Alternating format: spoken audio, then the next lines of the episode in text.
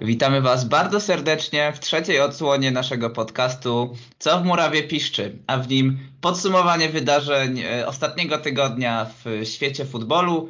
No, dzisiaj będziemy też w ligach, w których nigdy nie byliśmy. E, Was Igor Dziedzic i E, Jakub Machel, dzień dobry, miłego wieczoru, czy o jakiej porze to słuchacie? Dzień dobry. E, no to zgodnie z obietnicą, e, którą, którą złożyliśmy tydzień temu, zaczniemy od Bundesligi. I powiedz mi Jakubie, bo zdarzyło się wiele ostatnio, chociażby spadło w końcu tak matematycznie Schalke Gelsenkirchen. Ja w dedykacji dla, dla Szalkę, nie wiem czy Państwo pamiętają, był taki, była taka kiedyś gra do płatków śniadaniowych Pet Soccer i Schalke Gelsenkirchen miało tam swoją nazwę Szarkę Gelsenkirchen i ja mam teraz y, czapkę z rekinem i to jest, i to jest plot twist naszego, naszego odcinka. Czapkę też będziecie mogli zobaczyć na naszych y, socialach. Ale teraz tak poważnie. Y, Robert Lewandowski wrócił, y, wrócił na boiska y, niemieckiej ekstraklasy. No i zdobył kolejną bramkę i na tym etapie, na etapie 30 kolejek wciąż ściga się z, z najlepszym wynikiem e, bramkowym w historii jednego sezonu, czyli z 40 bramkami Gerda Millera. E, Lewandowski na tym etapie ma tyle samo goli co Gerd Miller, czyli 36. Powiedz mi, ja widziałem tego gola Lewandowskiego z Mainz. E, Bayern przegrał to spotkanie zresztą, więc tutaj, tutaj drobna niespodzianka. Ale powiedz mi, czy Lewandowski dogoni jeszcze i wyprzedzi ten rekord Gerda Millera i czy to Polak, Polak Rodak będzie najwybitniejszym strzelcem w historii Bundesligi? No tak, no zostały Robertowi trzy spotkania i cztery gole do strzelania. No Robert Lewandowski już nieraz udowadniał, że jest maszyną do strzelania goli. Tutaj na przykład pamiętny mecz z Wolfsburgiem, e, pięć goli w 9 minut. Więc myślę, że rekord jest jak najbardziej do dogonienia, tylko czy, czy po prostu jego drużyna mu na to pozwoli. Doskonale wiemy, no Bayern zmaga się z kontuzjami. Eee, Bayern zmaga się z kontuzjami. Eee, no i nie ma tam, brakuje nadal paru kluczowych zawodników, aczkolwiek no myślę, że Robert da, da radę, nasz Polak Rodak, myślę, że da radę. Wyru czy wyrównać, czy pobić? Myślę, że wyrównać na pewno mu się uda, ale czy pobić nie wiem, chociaż no mecze, tabele, trzy, trzy ostatnie spotkania Bayernu dają, dają nadzieję, wydaje mi się. Z drużynami, które już o nic nie walczą, bo tak, tak. przypomnijmy Borussia Mönchengladbach, Freiburg i FC Augsburg z Polakiem w bramce Rafaelem Gikiewiczem, więc być może więc być może to Augsburg też już ma, chociaż jeszcze nie jest akurat, Augsburg jest tą jedyną drużyną, która jeszcze o coś walczy, bo Augsburg może jeszcze spaść, o czym jeszcze będziemy, będziemy mówić za chwilę. No tak, ale taka Borussia Mönchengladbach, no można powiedzieć... Rozczarowanie w sumie. No tak, po ostatnim naprawdę udanym sezonie, po tegorocznej przygodzie z Ligą Mistrzów. Wysadzeniu Interu Mediolanu. Tak, dokładnie i po no, wyjściu z grupy, czego się myślę, że mało osób się spodziewało, patrząc na ich grupę, ale wydaje mi się, że Robert Lewandowski jest głodny i wydaje mi się, że on ten rekord naprawdę chce pobić. E, jest, no on jest też po prostu stuprocentowym profesjonalistą. Najlepszym tak? napastnikiem świata. Najlep I przez wielu uważanych najlepszym napastnikiem świata. No Ale... przeze mnie aktualnie też jest, uwa uważam Roberta Lewandowskiego za najlepszego napastnika e, na świecie. E, czy to wszystko, co się aktualnie dzieje w Bayernie, zmiana trenera, czy to jakoś wpłynie na, czy to jakoś wpłynie na dyspozycję Lewandowskiego, na dyspozycję całego Bayernu? E, nie wiem, zobaczymy. Tak naprawdę Bayern e, nie ma już o co grać w tym sezonie. Mistrzostwo można powiedzieć, że ma już zapewnione. No już w tej kolejce tak naprawdę tak, może się to matematycznie rozstrzygnąć. rozstrzygnąć. tak. A Lipsk, jak wiadomo, ma dużo cięższy dużo cięższy terminarz, bo jak, jak doskonale wiadomo, jeszcze przed nimi mecze z Dortmundem i Wolfsburgiem, które są, to są drużyny, które tak naprawdę walczą cały czas o występ w następnej edycji Ligi Mistrzów, więc jest o co grać. E, ale wydaje mi się, że Robert Lewandowski rekord wyrówna, czy go pobije, nie wiem, ale na pewno go wyrówna. Mam nadzieję, że go pobije. E, jako wielki fan tego piłkarza strasznie mu kibicuję. Ale myślę, że możemy teraz już przejść do następnego tematu, który już po troszce poruszyliśmy, czyli walka o Ligę Mistrzów w lidze niemieckiej. Ja bo... jestem bardzo ciekaw tej, tej walki, bo pamiętam jak dwa tygodnie temu rozmawialiśmy na ten temat i, i w zasadzie zastanawialiśmy się, czy jeszcze Borussia ma jakiekolwiek szanse na to, żeby się do tej, do tej Ligi Mistrzów załapać. No wtedy miała stratę bodaj pięciu punktów do, mm, do Eintrachtu Frankfurt. W tym momencie tabela prezentuje się tak, że Wolfsburg na trzecim miejscu ma punktów 57, Eintracht, Eintracht na czwartym 56 i Borussia na piątym punktów 55, więc tak naprawdę są jeszcze trzy kolejki. Y, w tym tygodniu Bundesliga co prawda pauzuje, bo będzie, będą rozgrywki Pucharu Niemiec.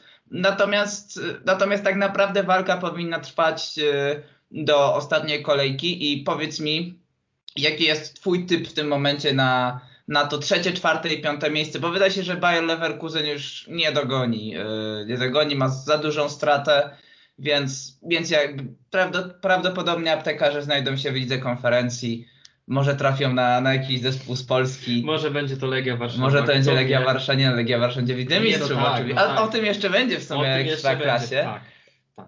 No to jak to widzisz? No mi się wydaje, że tak jak dzisiaj sobie patrzyłem na tabelę i na to, jakie po prostu każda z tych drużyn ma trzy następne mecze przed sobą. E, I wydaje mi się, że na pewno w Lidze Mistrzów w następnym sezonie zobaczymy Eintracht Frankfurt. No bo mają oni mecze, no myślę, że nie, niezbyt wymagające na ich aktualny poziom gry. Jest to Mainz, jest to Schalke, jest to Freiburg. Tak, wiem, że Bayern został ograny przez Mainz w ostatniej kolejce. Ale nic dwa razy się nie zdarza. Tak, ale no myślę, że Frankfurt, y, mając tą świadomość, że chociażby Lipsk, który ma dużo cięższy terminarz, y, Wolfsburg, który też, ma dużo cięższy, no i Borussia, która no musi gonić, musi gonić, tak? Borussia musi gonić, Fra e, Frankfurt ma ten jeden punkt y, przewagi nad Borussią, ale wydaje mi się, że końcowa czwórka i cztery drużyny, które zobaczymy w, w Lidze Mistrzów w następnym roku, y, będzie to Bayern oczywiście, Lipsk, y, Dortmund i Frankfurt. Wydaje mi się, że Wolfsburg po ostatnim, no dość, no można powiedzieć, tragicznym meczu z Borussią Dortmund E, kiedy to w, po, w pierwszej połowie wyleciał 17-letni e, pomocnik Borussii Dortmund, e, no, którego teraz nazwiska sobie nie przypomnę niestety. No niestety przegrał i nie reprezentował w tym meczu totalnie nic. Oglądałem ten mecz, oglądałem drugą połowę tego meczu całą i pierwszą tak urywkowo i naprawdę Wolfsburg kreował sobie sytuację, ale żadna z tych sytuacji nie kończyła się strzałem. E, I tak to po prostu wyglądało. Pierwsza blamka no to Erling Haaland, po prostu świetne wykończenie, a druga to po prostu szybki przechwyt, niecelne podanie obrońcy Wolfsburga. No i Erling Haaland wychodzący na kontratak, roz, roz, rozwijający prędkość 36 km na godzinę, co bodajże jest chyba rekordem tego sezonu. Tego sezonu. Aczkolwiek y, Alf Anto Alfonso Davis chyba z, z Bayernu Monachium y, ma, ma ciut szybszy wynik, ale to już są setne sekund, naprawdę. No, można powiedzieć, że tak trochę lekko atletycznie. Ja widzę tylko jedną rzecz, która jest troszeczkę, może przeszkodzić Borussii Dortmund, bo Borussia Dortmund jako jedyna z tych trzech klubów została jeszcze w Pucharze Niemiec. I może teraz do niego, do tego Pucharu Niemiec przejdziemy y, pokrótce, bo mamy dwa półfinały, mamy mm, Raben Sport Lipsk, y, Werder Brema w jednym półfinale Werder jeszcze walczy o utrzymanie, o tym też za chwilkę. Z, no i Borussia Dortmund z drugoligowym Holsztynem Kiel. No, wydaje się, że Borussia przejdzie zespół z północy Niemiec, więc znajdzie się też w finale, więc tutaj dochodzą dwa dodatkowe mecze dla, dla Borussii, które, które mogą też zadecydować o tym, że w drużynie Dortmundczy, Dortmundczyków zabraknie świeżości tej legendarnej świeżości. Tak. No myślę, że tak, no Puchar, Puchar Niemiec. To kto go wygra? No wydaje mi się, że no, w finale zobaczymy RB Lipski Borussię, a kto wygra finał? Na pewno bardzo ciekawy mecz, bo obie drużyny prezentują naprawdę fajny futbol, y, przyjemny dla oka, techniczny, dużo akcji, dużo akcji i nie ma, nie ma grania typu drużyn Jose Mourinho, że stawiamy autobus, próbujemy grać z kontry, tylko naprawdę grają fajny, otwarty futbol, ale wydaje mi się, że jak już dojdzie do pojedynku Borussia, Lipsk, no Borussia, Borussia wydaje mi się, że zwycięży. A ja się z tobą nie zgadzam, bo nie będzie takiego finału moim zdaniem. Będzie, będzie w finale Werder. Yy, tak, uważam, że Werder będzie w finale.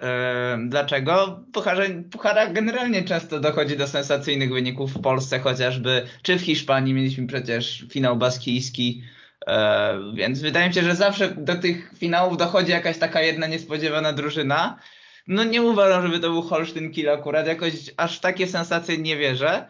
Natomiast myślę, że stawiam na finał Werder Borussia i Puchar dla Borussii. Mm, co oznacza też, że Borussia nie będzie w Lidze Mistrzów, będzie w niej e, Eintracht na trzecim miejscu i Wolfsburg na miejscu czwartym. To może porozmawiamy o walce o utrzymanie w lidze niemieckiej, bo już trochę ją napoczęliśmy, bo jedną z drużyn, która o utrzymanie walczy jest właśnie wspomniana, e, wspomniana przed chwilą Werder Brema, która jest na miejscu 14 e, z punktem tylko przewagi nad strefą baraży i czteroma punktami przewagi nad znajdującą się w strefie spadkowej Hertą Berlin z Krzysztofem Piątkiem w, w ataku, to może po kolei tabelę o utrzymanie.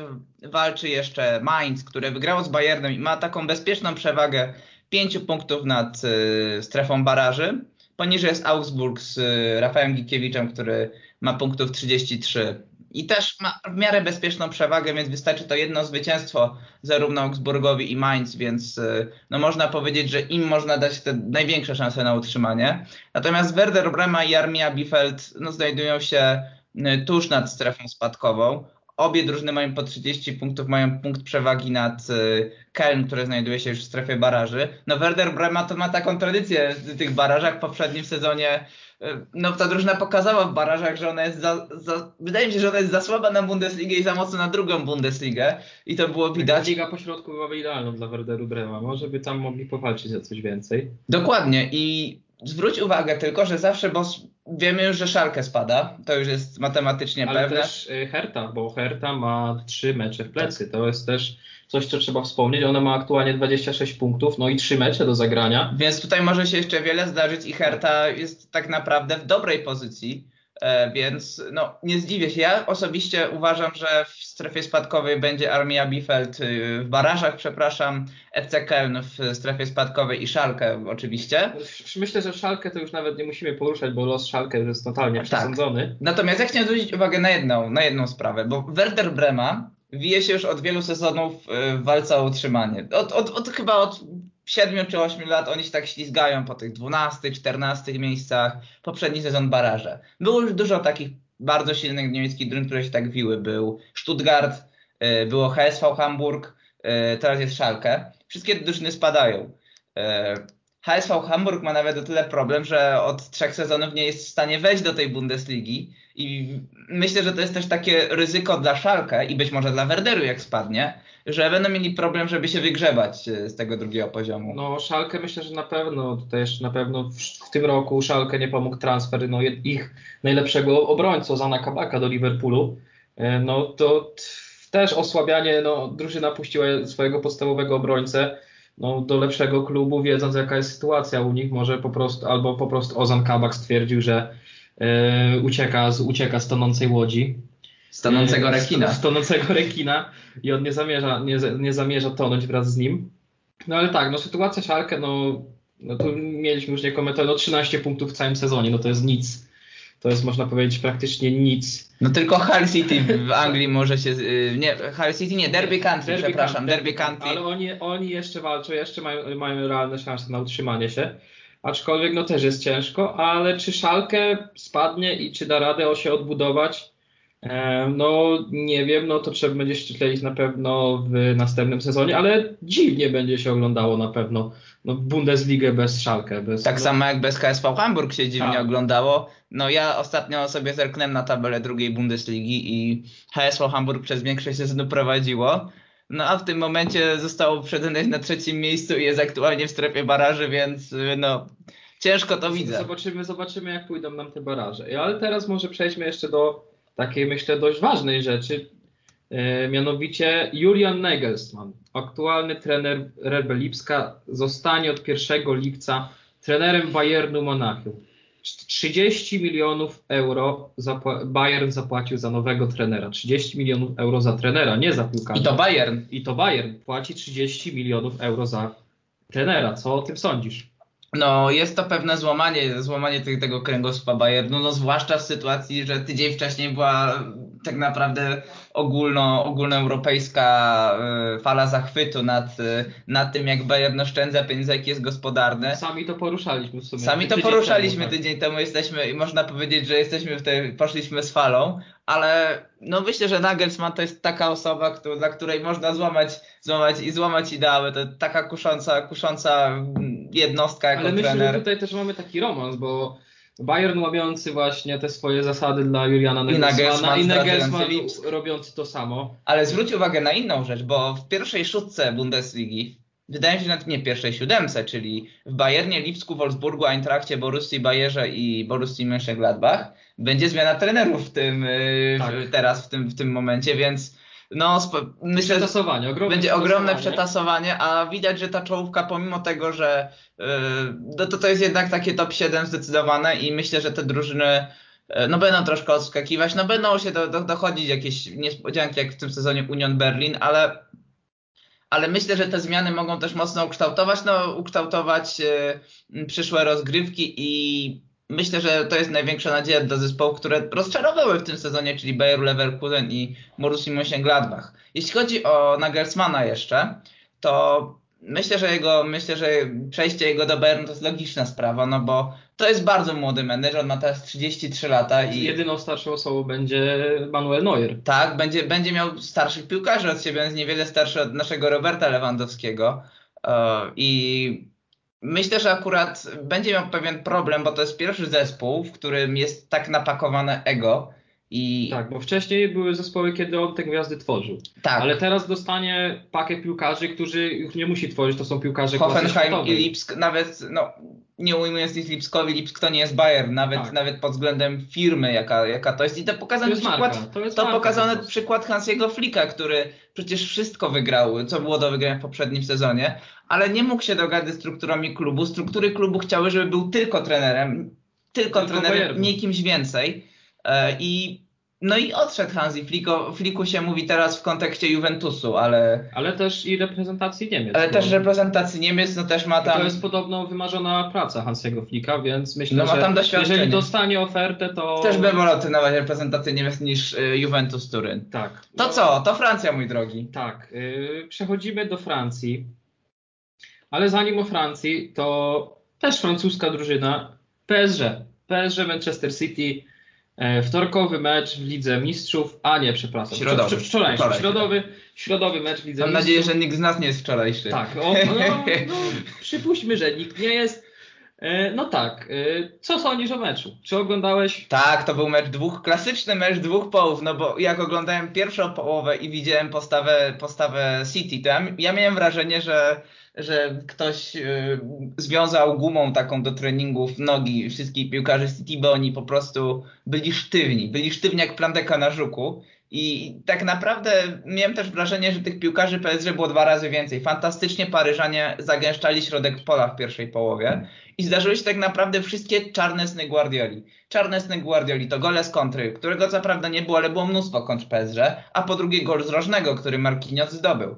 E, I co jeszcze? Ja miałem takie wrażenie około 30 minuty, że to PSG się za bardzo bawi. To PSG miało, było już tak rozluźnione, Neymar tak dobrze się czuł na boisku Verratti, y, nie Verratti, tylko Florencji, który mm, atakując ze skrzydła przerzucał piłkę nad obrońcą City. To się po prostu nie mieściło w głowie i, ja, i te wszystkie sytuacje były zaprzepaszczone, nie wykorzystywali ich piłkarze y, PSG i ja sobie wtedy myśl, myślałem, że się to zemści miałem wrażenie też, jak ten Neymar naprawdę bawił się z e, obrońcami City, że miałem wrażenie, że jestem na Copacabanie. Naprawdę, tak, tak, takie, miałem, takie miałem wrażenie i no i chciałbym powiedzieć, że w drugiej połowie jednak City doskonale się odbudowało i, i to, co pokazali e, podopieczni, podopieczni Pepa, Pepa Guardioli, to był majstersztyk w drugiej połowie i to był jeszcze większy knockout niż na nich w pierwszej połowie.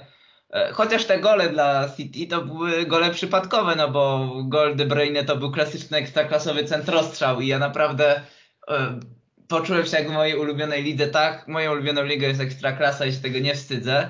E, ludzie, ludzie mają różne zboczenia. Tak, no właśnie mnie tutaj... A ten drugi gol to jeszcze ten, to jeszcze ta, taka dziura, w, dziura po prostu, no to też mi się to skojarzyło z Myślę, że w obronie pod Beskidzia Bielsko-Biała taki gol by nie wpadł. No myślę, że to był ten, ten drugi gol, to był taki gol, gol strzelony or, na, na Orliku.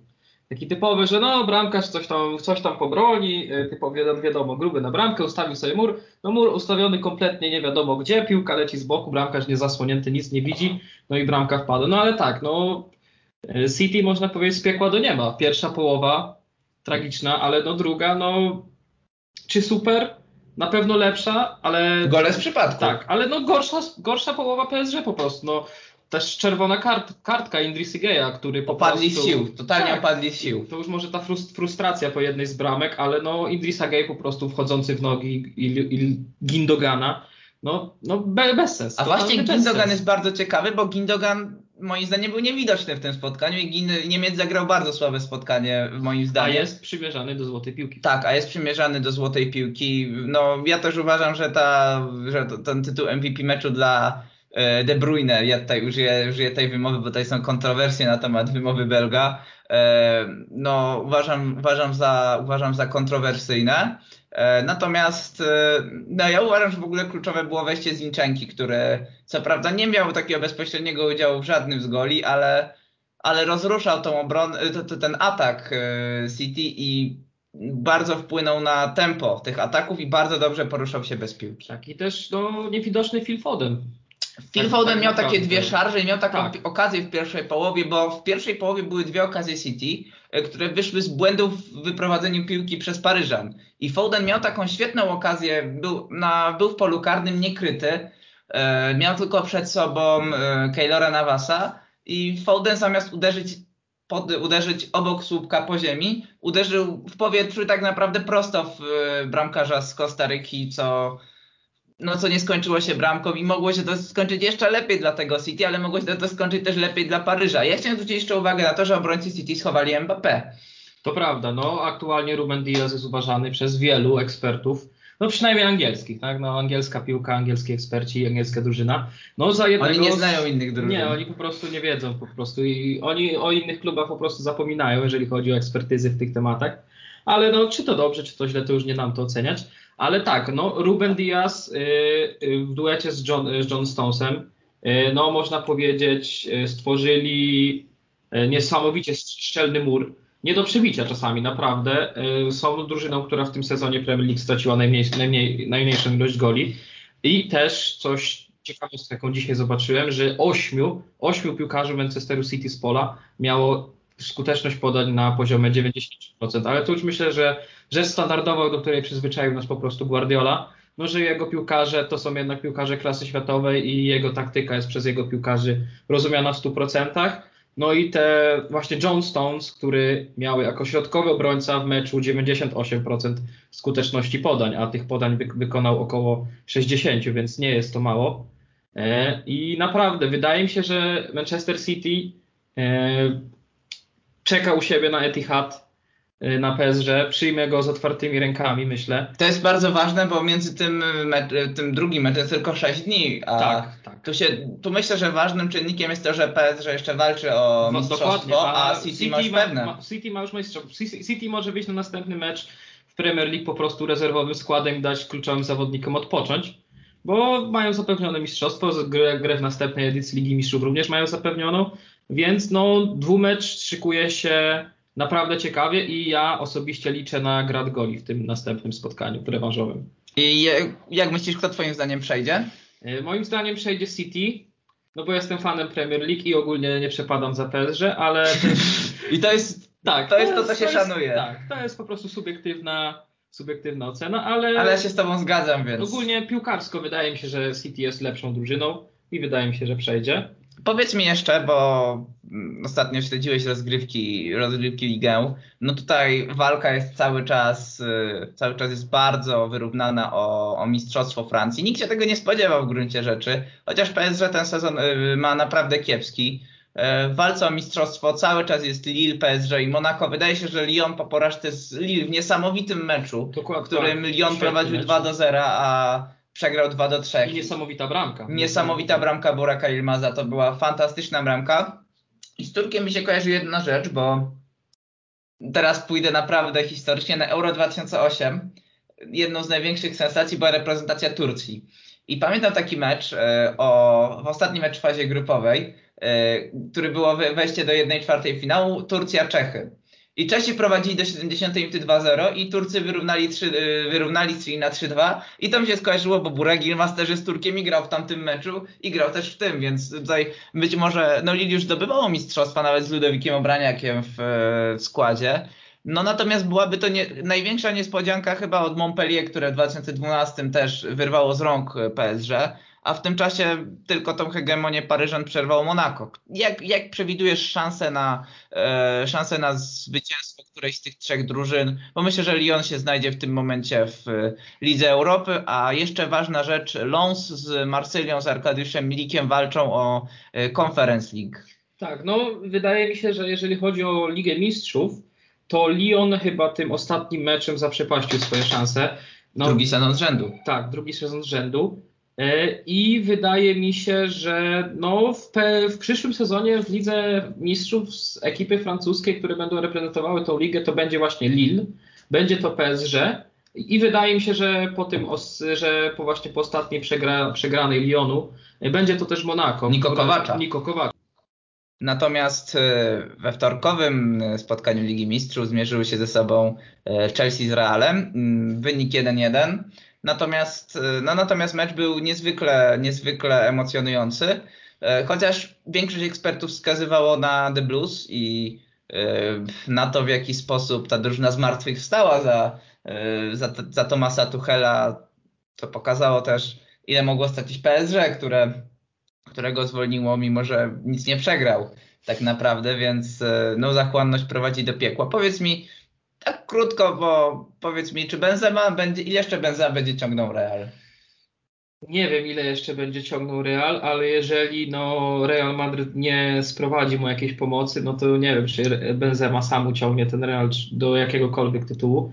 No na razie 1-1 w meczu, e, w pierwszym meczu Chelsea-Real. W Madrycie, to jest ważne. W Madrycie, to jest ważne. E, Chelsea gol na wyjeździe. Chelsea świetnie aktualnie pod wodzą Tomasza, Tuchel, Tomasza, Toma, Tomasza tu, Tomasa Tuchela. Tomasa Tuchela broni, tak. E, więc e, ciekawy będzie to na pewno mecz na Stamford Bridge, ale czy Re... ja mam takie przeczucie, że Real w pierwszym spotkaniu, no środkowa linia Realu nie istniała. N'Golo Kante można powiedzieć zjadł jedno z najlepszych, jak nie najlepsze aktualnie trio pomocników na świecie. Można powiedzieć, że no, można powiedzieć, że środek pola był niebieski. Tak, środek pola był niebieski i był praktycznie jednym zawodnikiem, jeżeli można powiedzieć. No, N'Golo Kante był w tym meczu wszędzie. E, I o kto awansuje? No ja jestem za Chelsea. E, nie wydaje mi się, żeby Real miał jakieś atuty. Z tym, z tym jeszcze, że braki kadrowe po prostu w Realu, no nie ma podstawowych obrońców praktycznie. Ale będą mieli wzmocnienie, bo Marcelo nie będzie grał. Tak, Marcelo nie będzie wyborczej. grał, dokładnie. Y, może ktoś, może do składu skoczy ktoś, kto będzie biegał po boisku.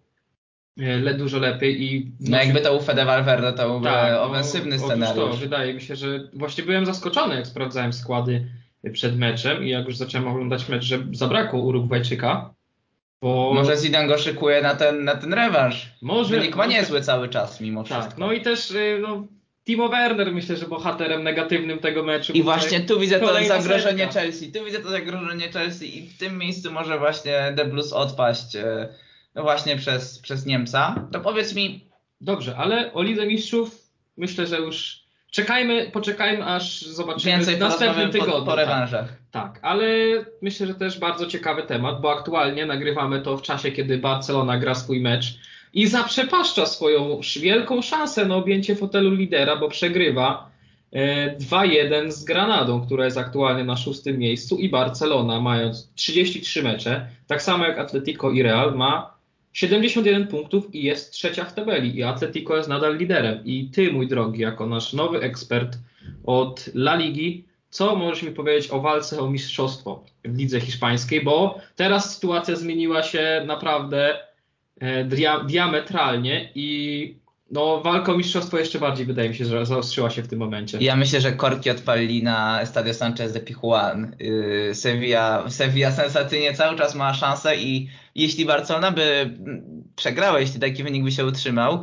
no to sensacyjnie trochę podopieczni Juliana Lopetegiego mieliby trzy punkty straty do, do Blaugrany.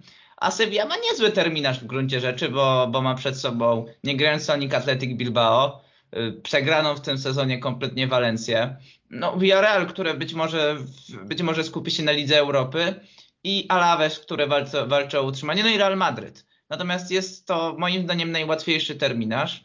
e, bo Real ma jeszcze Ligę Mistrzów, Real ma jeszcze Granadę, z którą właśnie przegrywa Barcelona, e, Real ma jeszcze mm, Sevilla, Real ma jeszcze Sevilla. I też Villarreal i Atletik, więc bardzo podobny Bardzo terminarz. podobny terminarz, tylko ta Liga Mistrzów tutaj może i te braki kadrowe. Tak, to są dwa mecze więcej jednak, jakby nie patrzeć. To, a braki kadrowe i kondycja, można to już jest końcówka sezonu. I to jest bardzo doświadczony zespół, który, no, który też nie ma takiej wytrzymałości jak... To jest też stary zespół, można tak powiedzieć. Tak, to jest stary zespół, dokładnie, dokładnie. Y, ja w tym momencie, gdybym miał ułożyć y, tabelę, no wiemy, że wszystkie zespoły znajdą się w Lidze Mistrzów, bo piąty Real Sociedad ma 17 punktów straty do Sewilli, więc no, no Baskowie nie mają już szans na lepsze miejsce niż w Lidze Europy. Natomiast ja w tym momencie trochę kontrowersyjnie y, cały czas uważam, że Barcelona wygra, wygra La Ligę. E, druga będzie, uwaga, Sevilla moim zdaniem, ponieważ no, ta drużyna co prawda kompletnie gra ponad stan, ale ale w związku z tym, że, że po prostu grają na tym entuzjazmie i są najbardziej świeżymi w ostatnich meczach w porównaniu z Realem i Atletico wyglądają po prostu najlepiej, e, no to, no to zajmą to drugie miejsce. Na trzecim miejscu znajdzie się Real Madryt i no największym przegranym sezonu będą podopieczni Diego Simeone, e, którzy znajdą się na miejscu czwartym. No to może przejdziemy do Anglii w takim razie. E, tym razem, tym razem ty przejmiesz, e, przejmiesz posiadanie mikrofonu i walka o Lidze Mistrzów Anglii, w której, w której dość aktywnie bierze udział Chelsea. Może tutaj przytoczę mm, wartości, wartości punktowe tej ligi. Na trzecim miejscu znajduje się Leicester City z punktami 62 i to jest dość duża przewaga, bo Chelsea na czwartym miejscu, która pokonała w ostatniej kolejce w bardzo ważnym meczu West Ham już ma większą stratę i pozdrawiam jednego z naszych słuchaczy, który przewidywał trafnie, że no West Ham będzie puknąć i pozdrawiamy. Myślę, że nasz słuchacz wie o kogo chodzi. Tak, myślę, że dokładnie. E, I tutaj na szóstym miejscu jest Liverpool, który ma punktu 54. No, jeszcze być może Tottenham Everton, które no które mają jednak, ma, mają 5 punktów straty i 6, a to jest jeszcze 5 kolejek, więc to się naprawdę może wiele zdarzyć. Ja bym powiedział właśnie, że bardziej już Everton niż Tottenham. Bardziej Everton, bo Everton ma lepszy terminarz. I ma mecz mniej. I ma mecz mniej. No, Everton będzie grał z takimi drużynami jak Aston Villa, West Ham. No to to jest jeden z najtrudniejszych me meczów tak naprawdę. I Sheffield, który już Sheffield. jest spadkowiczem. Sheffield, Wolves i Manchester City. No Manchester City no, nie wiadomo, czy ten ostatni mecz po prostu podejdzie do niego na poważnie, bo nie wiadomo, jak też będzie dalej z Ligą Mistrzów, czy awansują, że jeżeli, wydaje mi się, że jeżeli Manchester City dojdzie do finału, po prostu te ostatnie mecze, też nie wiem dokładnie kiedy będą te mecze rozgrywane. 23 ale... czerwca, tak, tak, mi się wydaje, maja, przepraszam. Chyba, chyba tak, no to wydaje mi się, że wtedy Pep Guardiola, mając już mistrzostwo w kieszeni po prostu, da odpocząć swoim zawodnikom i będzie ich oszczędzał na finał Ligi Mistrzów, bo to jest jednak najważniejsze trofeum do wygrania w świecie piłkarskim, jakie jest i myślę, że Pep Guardiola w nie celuje. A y, Liga, Liga Angielska i tak będzie przez niego wygrana. No ale tak jak już wspomniałeś wcześniej, no tutaj ostatnie spotkanie West Ham Chelsea i wygrana Chelsea. No i odskoczenie tak naprawdę West Hamowi na te trzy punkty. No daje ten taki, można powiedzieć, luz, luźny zapas, ale też Chelsea, nie zapominajmy, gra cały czas w Lidze Mistrzów i Chelsea gra też w Pucharze. Chelsea ma Chelsea bardzo dużo meczów do tak, rozegrania. Chelsea ma do rozegrania 7 meczy, jeszcze 7 meczy, no z czego jeden mecz jest finałem e, Pucharu Kraju. Jeszcze może dojść finał Ligi Mistrzów. Jeszcze może dojść do tego finału Ligi Mistrzów. Nie, za, nie możemy zapeszać, nie, wie, nie wiemy co się stanie w następnym meczu. E, więc wydaje mi się, że no tutaj walka cały czas trwa. No. Jak byś to ułożył? Ja bym to ułożył tak, że no te dwa, te no dwie drużyny z Manchesteru na wiadomo, która na pierwszym, wiadomo, która na drugim miejscu. Leicester wydaje mi się tak poukładaną Czyli to jest ten sezon, że wrócą do Ligi Mistrzów. Tak, to jest wielki powrót do Ligi Mistrzów. Ja strasznie kibicuję tej drużynie, bo ogromnie mi się podoba jej polityka transferowa, ogólnie zarządzanie klubem. No i też terminarz Leicester, no, takie mecze jak z Crystal Palace, Southampton, Newcastle, no, czy z Manchester United później, ale myślę, że ten mecz już też nie będzie miał. Szalenie kluczowy będzie mecz Chelsea-Leicester w, tak. w, ostatniej kolejce tak. i to będzie. To będzie, będzie mecz tak naprawdę. Być może o Ligę Mistrzów. Być może o Ligę Mistrzów, bo kto wiadomo, kto wie, jak teraz będzie grał West Ham, który ostatnio no, notuje spadek formy, bo dwie, dwie porażki pod rząd. No i jest Liverpool, który goni, ale goni mozolnie. Ostatnio dwa remisy, ale poprzednie trzy mecze wygrane. Ale też terminarz Liverpoolu powiedziałbym, że wygląda Liverpool ma chyba najlepszy terminarz z tych wszystkich drużyn, bo grał w, tą, w ten weekend z Manchester United, jest to no, szlagier, można powiedzieć, klasyk. Ale United już jest raczej pewny. Tak, ale myślę, że United ten mecz, nawet jeżeli przegra, to nic wielkiego się nie stanie. Myślę, że mogliby się skupić, mogą się skupić na e, drużynie, na po prostu na Romie i na awansie do finału Ligi Mistrzów, bo jeszcze drużyna Ola Solskiera za każdym razem zatrzymywała się na półfinałach, a do finału jeszcze nigdy nie doszła. A myślę, że dwumecz z Romą jest do tego wspaniałą okazją. Ja pamiętam jak rok temu, jak rozmawialiśmy o półfinałach Ligi Europy, gdzie, gdzie grało United z inną drużyną, nie, wtedy grał z Sevillą, a w drugim półfinale był Inter z Szachtarem i wtedy byliśmy święcie przekonani o finale Inter United. E, okazało się, że żadna z tych drużyn nie wygrała ostatecznie Ligi Europy, więc tacy no z nas eksperci. Tak. Ale no, wydaje mi się jednak, że Manchester raczej będzie już celował w tę Ligę Europy. Czyli widzę mistrzów Leicester i Chelsea. Leicester, y, tak, wydaje mi się, że będzie Leicester i Chelsea i te, te dwie drużyny z tych wszystkich, które aktualnie walczą o, no jeszcze walczą o tą Ligę Mistrzów, tak, to chciałbym je najbardziej zobaczyć, bo Leicester gra bardzo fajną piłkę, Chelsea pod wodzą Tuchela, no naprawdę przyjemnie się to ogląda. West Ham, też West Ham chciałbym zobaczyć, ale West Ham... West Ham chyba nigdy nie grał w Lidze Mistrzów. Nie, w, tej, w tej od 90 na pewno nie grał. Bodajże tak. Ale no West Ham wydaje mi się, że no, no, no tu jest spadek formy. No brak Declana Rice'a też. No to Może to nie jest spadek formy, tylko po prostu gra na miarę swoich możliwości. Być może. Może ten y, czar Davida Moysa się skończył, może Jesse Lingard już nie zatańczy więcej na boiskach Premier League po strzelonym golu, ale być może, być może to jeszcze. Ja bym chciał to zobaczyć. Szczególnie ze spotkania Arsenalem, bo on lubi grać przeciwko Arsenalowi. Chociaż wyobraź sobie, że podchodzisz do dwóch e, najbardziej znanych kibiców West Hamu, czyli królowej Elżbiety i aktora Hugh Granta. I przed sezonem mówisz im, że West Ham zajmie piąte, nawet siódme miejsce, to oni by to przyjęli, nawet królowa z tak, pocałowaniem myślę, ręki. Myślę, że królowa na 100% by to przyjęła. Wielka fanka swoją drogą West Hamu. No, ale West Ham ogólnie jest drużyną, której duż, duża ilość celebrytów y, kibicuje. Y, teraz sobie nie potrafię przypomnieć e, dokładnie kto to jest, ale jest wiele osób. Najprzystojniejszy aktor Hugh Grant przecież. Dokładnie, jest wiele osób wspierających West Ham. E, I mam nadzieję, że zobaczymy jednak. Ale myślę, że swoją drogą West Ham w Lidze Europy to też jest, jest, jest jednym z faworytów. Ja jeszcze widzę, ja uważam, że Everton jeszcze może namieszać i może jeszcze wyprzedzić Liverpool, nawet mając, zwłaszcza mając mecz mniej i może tak naprawdę y, wyprzedzić. I mają łatwy terminarz, bo mają Aston Villa, West Ham, Sheffield, Wolves i City, o, którym, o czym tak, mówiliśmy. Tak mi się wydaje, że ten właśnie mecz nadchodzący za niedługo West Ham e, na Everton, West Ham Everton. Everton będzie naprawdę ciekawym meczem, meczem i zapewne sobie go obejrzę. Ale możemy, myślę, że już tutaj. Jaki był Twój mecz tygodnia w takim razie, mecz jak już przechodzimy? E, moim meczem tygodnia było wspominany tutaj mecz Premier League, był to West Ham Chelsea. No, według mnie strasznie kluczowy mecz, jeżeli chodzi o walkę Ligę Mistrzów. No, czy West Ham da radę odrobić tę trzypunktową stratę, patrząc na ich terminarz, no, który, jak już wcześniej wspominałem, nie jest zbyt trudny, ale no, czy Chelsea da sobie wyrwać tą Ligę Mistrzów? Wydaje mi się, że nie, ale mecz był bardzo fajny, bardzo ciekawy. E, niestety tylko jedna bramka, ale no był to dla wygrałem ten mecz ze względu na tego, jakie on ma po prostu znaczenie, jeżeli popatrzymy sobie na tabelę, e, bo wydaje mi się, że ta rywalizacja będzie się teraz tylko jeszcze bardziej zaostrzała. Ja wybrałem, ja wybrałem mecz Barcelona Villarreal, która wygrała Blaugrana i z racji tego, że decydującą bramkę fantastyczną zresztą zdobył Antoine Griezmann, co było takim game changerem. Trochę zostając przy tych naszych stałych kategoriach, opowiedz mi teraz o swojej kompromitacji tygodnia.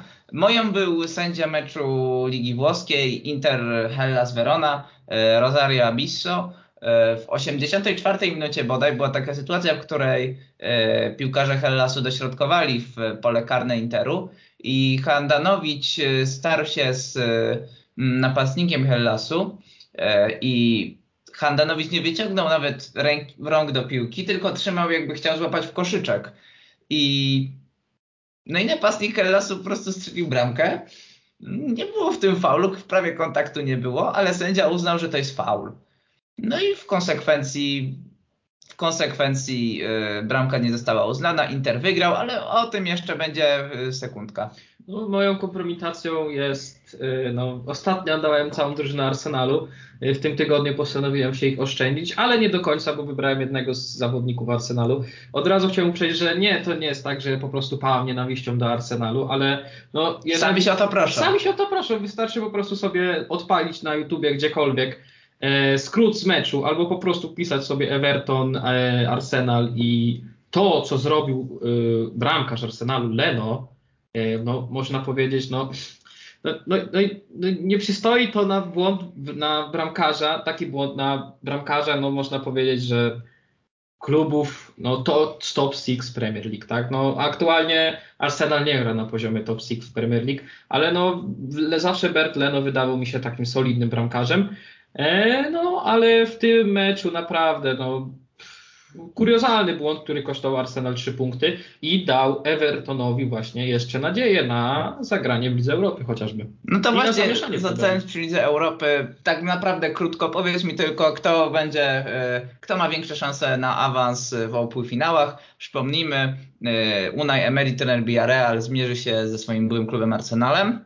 Jaki tutaj werdykt? Jest, jak dla mnie, wydaje mi się, że to, co taką piłkę, jaką prezentują aktualnie podopieczni Mikel Artety, nie, to nie jest piłka na poziomie finale, finału Ligi Europy i dla mnie awansuje Villarreal. Dla mnie też żółta łódź, łódź podwodna. Natomiast drugi mecz, który właśnie się zaczyna i będziemy go za chwilę oglądać, Manchester United AS Roma. No ja tutaj, wydaje mi się, że United jest y, murowanym faworytem. No chciałbym zobaczyć taki wynik jak bodajże kilka lat temu, już dzisiaj, bodajże 8 lat temu, y, no 7-1. Chciałbym dziś zobaczyć 7-1, chciałbym dziś zobaczyć Grand Bramek. Myślę, że Roma, która zagra katastrofalny mecz z Cagliari ostatnio i przegrała, E, no teraz będzie bardzo zmotywowana i będzie trochę murować bramkę. Stawiam tutaj jednak na United. Powiedz mi jeszcze o swoim, e, swojej niespodziance tygodnia. Moją było Mainz, które pokonało Bayern, a twoją? No moją było Barnley, które pokonało 4-0 Wolves i napastnik e, Chris Wood jest Barney strzelający hat w pierwszej połowie. No to I Barney grające na czas w 90 minucie prowadzące 4-0 to, to też jakiś taki Typowy smaczek, tak. No. Obrona, obrona przede wszystkim. No to może jeszcze taka ostatnia nasza kategoria, twój zawodnik tygodnia.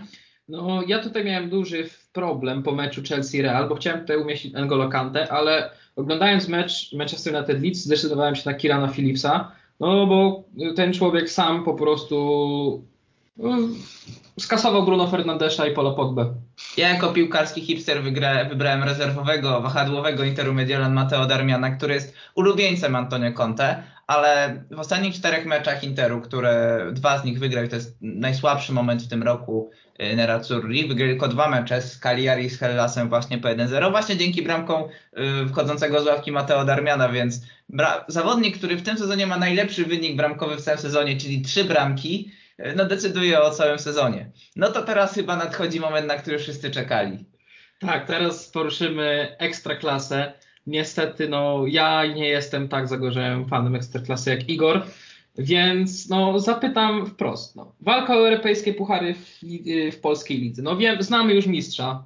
Legia Warszawa. Jest nim Legia Warszawa, ale co dalej? Co dalej? Kto zagra? No, mamy jeszcze walkę miejsce. o drugie miejsce między Pogonią a Rakowem. Mm, no to jest taka trochę walka o pietruszkę, bo w sumie nie ma to żadnego znaczenia. Raków i tak osiągnął swój najlepszy wynik y, w historii, bo wcześniej to było bodaj szóste miejsce w latach 90.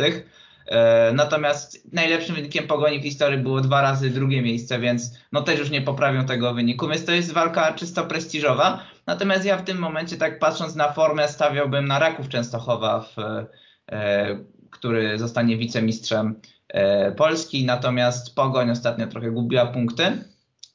I jeszcze ważna kwestia jest to, że Raków gra w, 2 maja w finale Pucharu Polski z pierwszoligową Arką Gdynia. Arka e, Gdynia kolejny raz w finale Pucharu I to jest Polski. bardzo ważny mecz, bo jeśli Arka Gdynia wygra, e, wygra ten puchar, no to jest rozstrzygnięta walka o puchary. Natomiast jeśli Raków, go, Raków wygra, no to czwarte miejsce jeszcze będzie miało możliwość gry w eliminacji do Conference League.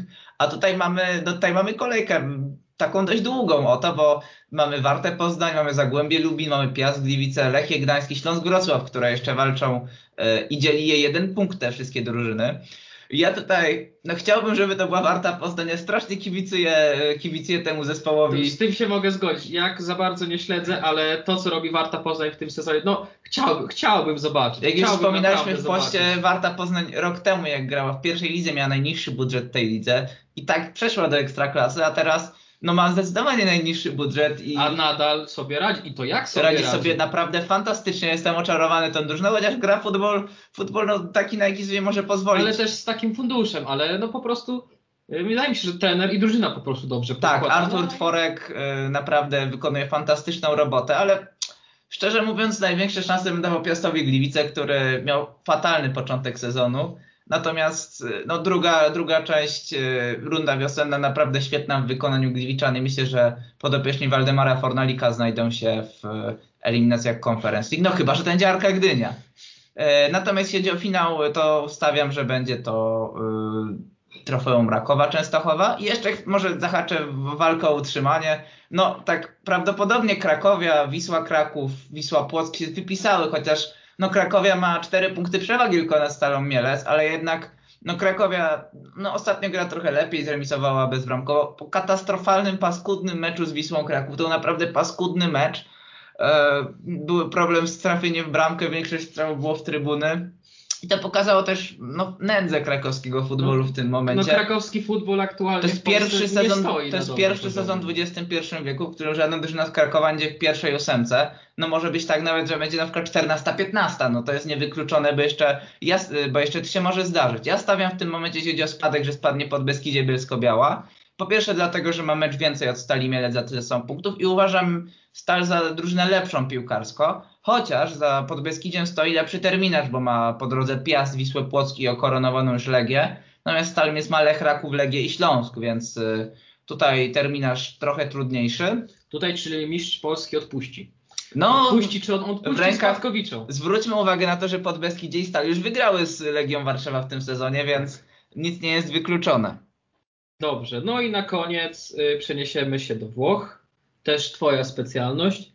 E, I czy Atalanta Bergamo, która sezon co sezon gra coraz lepiej i zajmuje coraz to lepsze pozycje, e, coraz to lepsze pozycje w tabeli, czy jest w stanie zagrozić Interowi Mediolan, który można powiedzieć, no już rozsiadł się na fotelu lidera e, i można byłoby powiedzieć, że na spokojnie dowiezie sobie to mistrzostwo do do końca, ale no, pojawia, pojawia się taka Atalanta, no tutaj niby 68 punktów, Inter 79.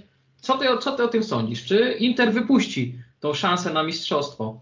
Paradoksalnie to się może już rozstrzygnąć e, w ten weekend, bo Inter, e, Inter gra z Sampdorią, która już o nic nie gra. Natomiast e, Atalanta ma trudny mecz z Sassuolo Calcio, który może jeszcze wyprzedzić Romę w walce o Conference League. I Sassuolo napsuło mnóstwo krwi Interowi i Inter naprawdę z wielkimi problemami pokonał, pokonał zawodników Sassuolo. No ale wydaje mi się właśnie, że Inter już będzie ukoronowany na początku maja w najbliższej kolejce, a jeśli do tego nie dojdzie, bo jeśli ma, może do tego dojść, jeśli Atalanta nie wygra z Sassuolo, a Inter pokona Sampdorię. No jeśli to się nie stanie, to kolejkę później Inter gra z ostatnim y, Crotone i no ta radosna defensywa z Arkiem Recą na czele, no nie zawodzi i myślę, że myślę, że Inter na spokojnie do to już jest pozamiatane od dawna, zwłaszcza, że Inter wygrywa, wygrywa te mecze, których, y, w których jest gorszy. On był gorszy od Hellasu Verona, on był gorszy od od Cagliari w, w tamtym meczu. O, właśnie we wspomnianym meczu z Sassuolo był, e, był też gorszą drużyną. E, no i te dwa remisy tylko trochę popsuły ostatnio z popsuły szyki ze Specją i z mm, i z Napoli. Natomiast myślę, że problemem Interu nas największym jest to, że Lukaku jest w słabszej formie ostatnio i e, no i tak naprawdę ofensywa spoczywa na barkach Mateo Darmiana i Lautaro Martineza więc, e, no ale myślę, że jednak to jest, Inter już za bardzo odjechał i Antonio Conte już tak mrozi te szampany, mrozi i myślę, że wystrzelą już w ten weekend i będzie, no i będzie może już fiesta wychodzący z pandemii Mediolanie. Oby, oby. Myślę, że fajnie by było zobaczyć kogoś innego na, na pierwszym miejscu niż Juventus, a Juventus nie wiadomo, czy zobaczymy w Lidze Mistrzów w przyszłym sezonie. Ja stawiam taki scenariusz, jeśli chodzi o... Uważam, że Atalanta będzie drugą e, wicemistrzem Włoch, to też największy sukces piłkarzy z Bergamo. 10 lat temu ten zespół grał w Serie B. Tak. E, to jest Ale naprawdę... to jest też następny klub, który jest po prostu świetnie zarządzany. To jest taki, jest o- takie ostatni- włoskie Leicester. Ostatnio widziałem y, raport, że Atalanta kolejny rok z rzędu wychodzi, zamyka rok na plusie. No i to jest naprawdę widać, że tutaj y, Atalantą zarządza średni biznesmen, który może sobie pozwolić na zarządzanie takim klubem, ale nie może szastać pieniędzmi. I tak naprawdę jest atutem Atalanty, bo y, ich, gospodarka, ich zarządzanie jest naprawdę racjonalne. I jeśli chodzi o układ w tabeli, to tak patrząc na formę aktualny, aktualnych drużyn, to Napoli też jest w bardzo dobrej formie i piłkarze Gennaro Gattuso, y, no myślę, że na spokojnie skoczą na to, w zasadzie, zostaną na tym najniższym stopniu podium. No i mamy walkę o to czwarte miejsce między Juventusem, Milanem i Lazio. Co prawda Lazio ma 5 punktów straty, ale, ma mecz mniej. Mecz mniej tak. I Lazio ostatnio no, zrobiło miazgę z y, Milanu, wygrało 3 do 0 i, i, piłkarze, i piłkarze z Rzymu nie zostawili suchej nitki i nie zostawili żadnych wątpliwości na podopiecznych y, y, na Piolego. I no myślę, że w tym momencie w tym momencie czwarte miejsce zajmie Lazio i w Lidze Europy znajdzie się Milan i Juventus, co będzie, będzie naprawdę ironiczne. Ale tutaj też będzie walka do samego końca, bo jak teraz patrzę, jakie mecze jeszcze mamy do. do No będzie drużyny do Juventus zagrania. Milan, to będzie bardzo ważny mecz I o też Milan, kontekście. Milan będzie grał z Atalantą. Milan ma najtrudniejszy terminarz też i to jest y, drugi problem. Milan jest w najsłabszej formie, Milan ma problemy. Milan z Lazio, y, przepraszam, Milan z Benevento będzie grał y, bez Zlatana Ibrahimowicza, a Benevento z Kamilem Glikiem walczy jeszcze o utrzymanie i ma naprawdę problemy. Ale, ale też Juventus nie ma najłatwiej, najłatwiej- najłatwiejszego terminarza, bo też AC Milan, Sassuolo, Inter i Atalanta i to są cztery mecze pod rząd. Ja myślę, że Antonio Conte nawet jeśli, myślę, że Inter już na pewno wtedy będzie pewnym mistrzem Włoch, to nie odpuści tego, nie odpuści. Nie odpuści Interowi, Antonio nie Conte nie odpuści Juventusowi i ja się tutaj spodziewam, no miazgi, bo teraz naprawdę ciężko porównać Inter z Juventusem i myślę, że kibice Nerazzurri no od dekady czekali na, na to, żeby, żeby wrócił ten stan z pierwszej dekady. I też myślę, że Napoli z bardzo fajną pozycją, bo jest ono aktualne w, tab- aktualnie w tabeli trzecie, a, ta, a terminarz klubu z Neapolu prezentuje się bardzo fajnie, wydaje mi się, bo to jest tylko Torino, Cagliari, Spezia, Udinese, Fiorentina i Hazard. Sam środek tabeli, tak, tylko Cagliari może tak. jeszcze spaść i ewentualnie Torino, Tak ale... naprawdę drużyny, większość drużyn, które nie grają tak już naprawdę o nic. Tak, i to jest chyba największy, największy atut y, piłkarzy z Neapolu. No to może króciutko podsumujemy typy z, poprzedniej, z poprzedniego tygodnia. Liczyliśmy punkty w taki sposób, że jeden punkt y, dostawał ten, kto odpowiednio przewidzi zwycięzcę prze, przegranego bądź remis, a dwa punkty za przewidzenie odpowiedniego wyniku. No i obaj zgarnęliśmy po trzy punkty. Kuba odpowiednio y, odgadł, czy może nie odgadł, w, Wytypował. wytypował e, zwycięzcę meczu Everton Arsenal i West Ham Chelsea i Lyon Lille. E, No, ja wytypowałem dobrze tylko w zasadzie remis w meczu Real Madrid kontra Real Betis Sevilla i wynik meczu Borussia Dortmund VfL Wolfsburg. No to co? M, Teraz będziesz może pisał e, typy na ten tydzień. E, Pierwszym meczem, e, jaki sobie wybraliśmy, jest e, Manchester United Liverpool. Jaki jest Twój wynik? E, No, według mnie, no, jak oglądam za każdym razem ten klasyk, można powiedzieć, zawsze spodziewam się jakichś na- naprawdę super spotkania, akcja za akcję, kontra za kontrę, ślizg za ślizg, a zawsze kończy się na tym samym, że jest remis, albo 0-0, albo 1-1, więc ja postawię na, em, powiedzmy, 1-1. Ja idąc tutaj za szkołą Wojciecha Kowalczyka, który zawsze w hitach przewiduje takie wyniki, stawiam na 0-0. E, Drugi mecz to teraz La Liga, mm, mecz e, walczącej o Mistrzostwo Hiszpanii Barcelony z e, grającą o nic Walencją.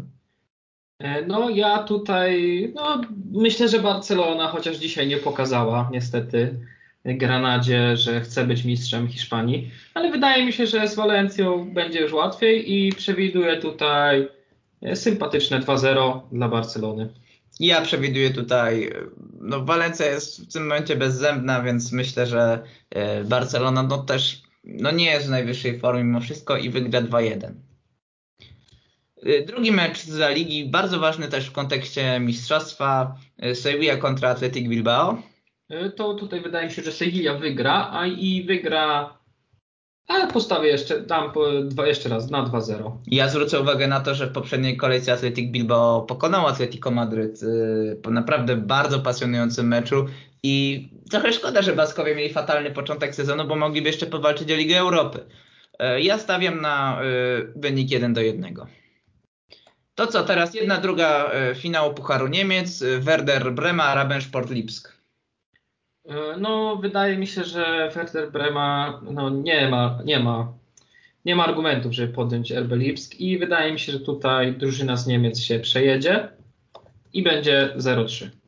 Y, No, ja tutaj będąc konsekwentnym będę, utrzy, przystawał na stanowisku, że, że Werder pokona Lipsk i, i stawiam na e, remis w meczu 0-0 i zwycięstwo Werderu pokarnych. Stawiam na 0-0 jako wynik meczu. Y, I teraz ostatni mecz, Liga Francuska, mecz między walczącym o mistrzostwo PSG, a walczącym o Ligę Konferencji Lons. E, Wydaje mi się, że no, no jednak PSG, chociaż to też rewanż w Lidze Mistrzów, ale no wydaje mi się, że jednak no, mają zawodników i chcą jednak też to, może Mauricio Pochettino wygra w końcu coś w swojej karierze. E, Ze Spaniolem kiedyś z Barceloną wygrał i to chyba największe zwycięstwo Pochettino. No tak, ale mam nadzieję, że, bo lubię tego trenera i mam nadzieję, że tutaj PSG wygra i może dajmy, zaszalejmy 3-0 e, dla PSG. I ja stawiam 1-0 dla Lons. O, kurczę. Kontrowersyjne tezy, dymy. Yy, O to chodzi, o to chodzi. Podgrzewamy atmosferę. Mam nadzieję, że, na, że będziemy się rozliczać na początku tygodnia z, z tego, czy jesteśmy amatorami, czy nie. Mam nadzieję, że w końcu ktoś rozstrzygnie o tym i będzie mógł w końcu wy, wystawić yy, kartkę amator. Yy, Patrzcie też jutro na nasze sociale, bo razem z podcastem będzie ta y, szarkowa czapka. Szarkowa, ale nie myśl tutaj z szarkami, tylko to jest po prostu rekin, żeby, żeby tutaj nikt nie dojeżdżał. E, no to co, dziękuję Ci Jakubie i widzimy się, słyszymy za tydzień. Ja również Ci dziękuję i do zobaczenia i do usłyszenia za tydzień. Do Trzymajcie się. usłyszenia.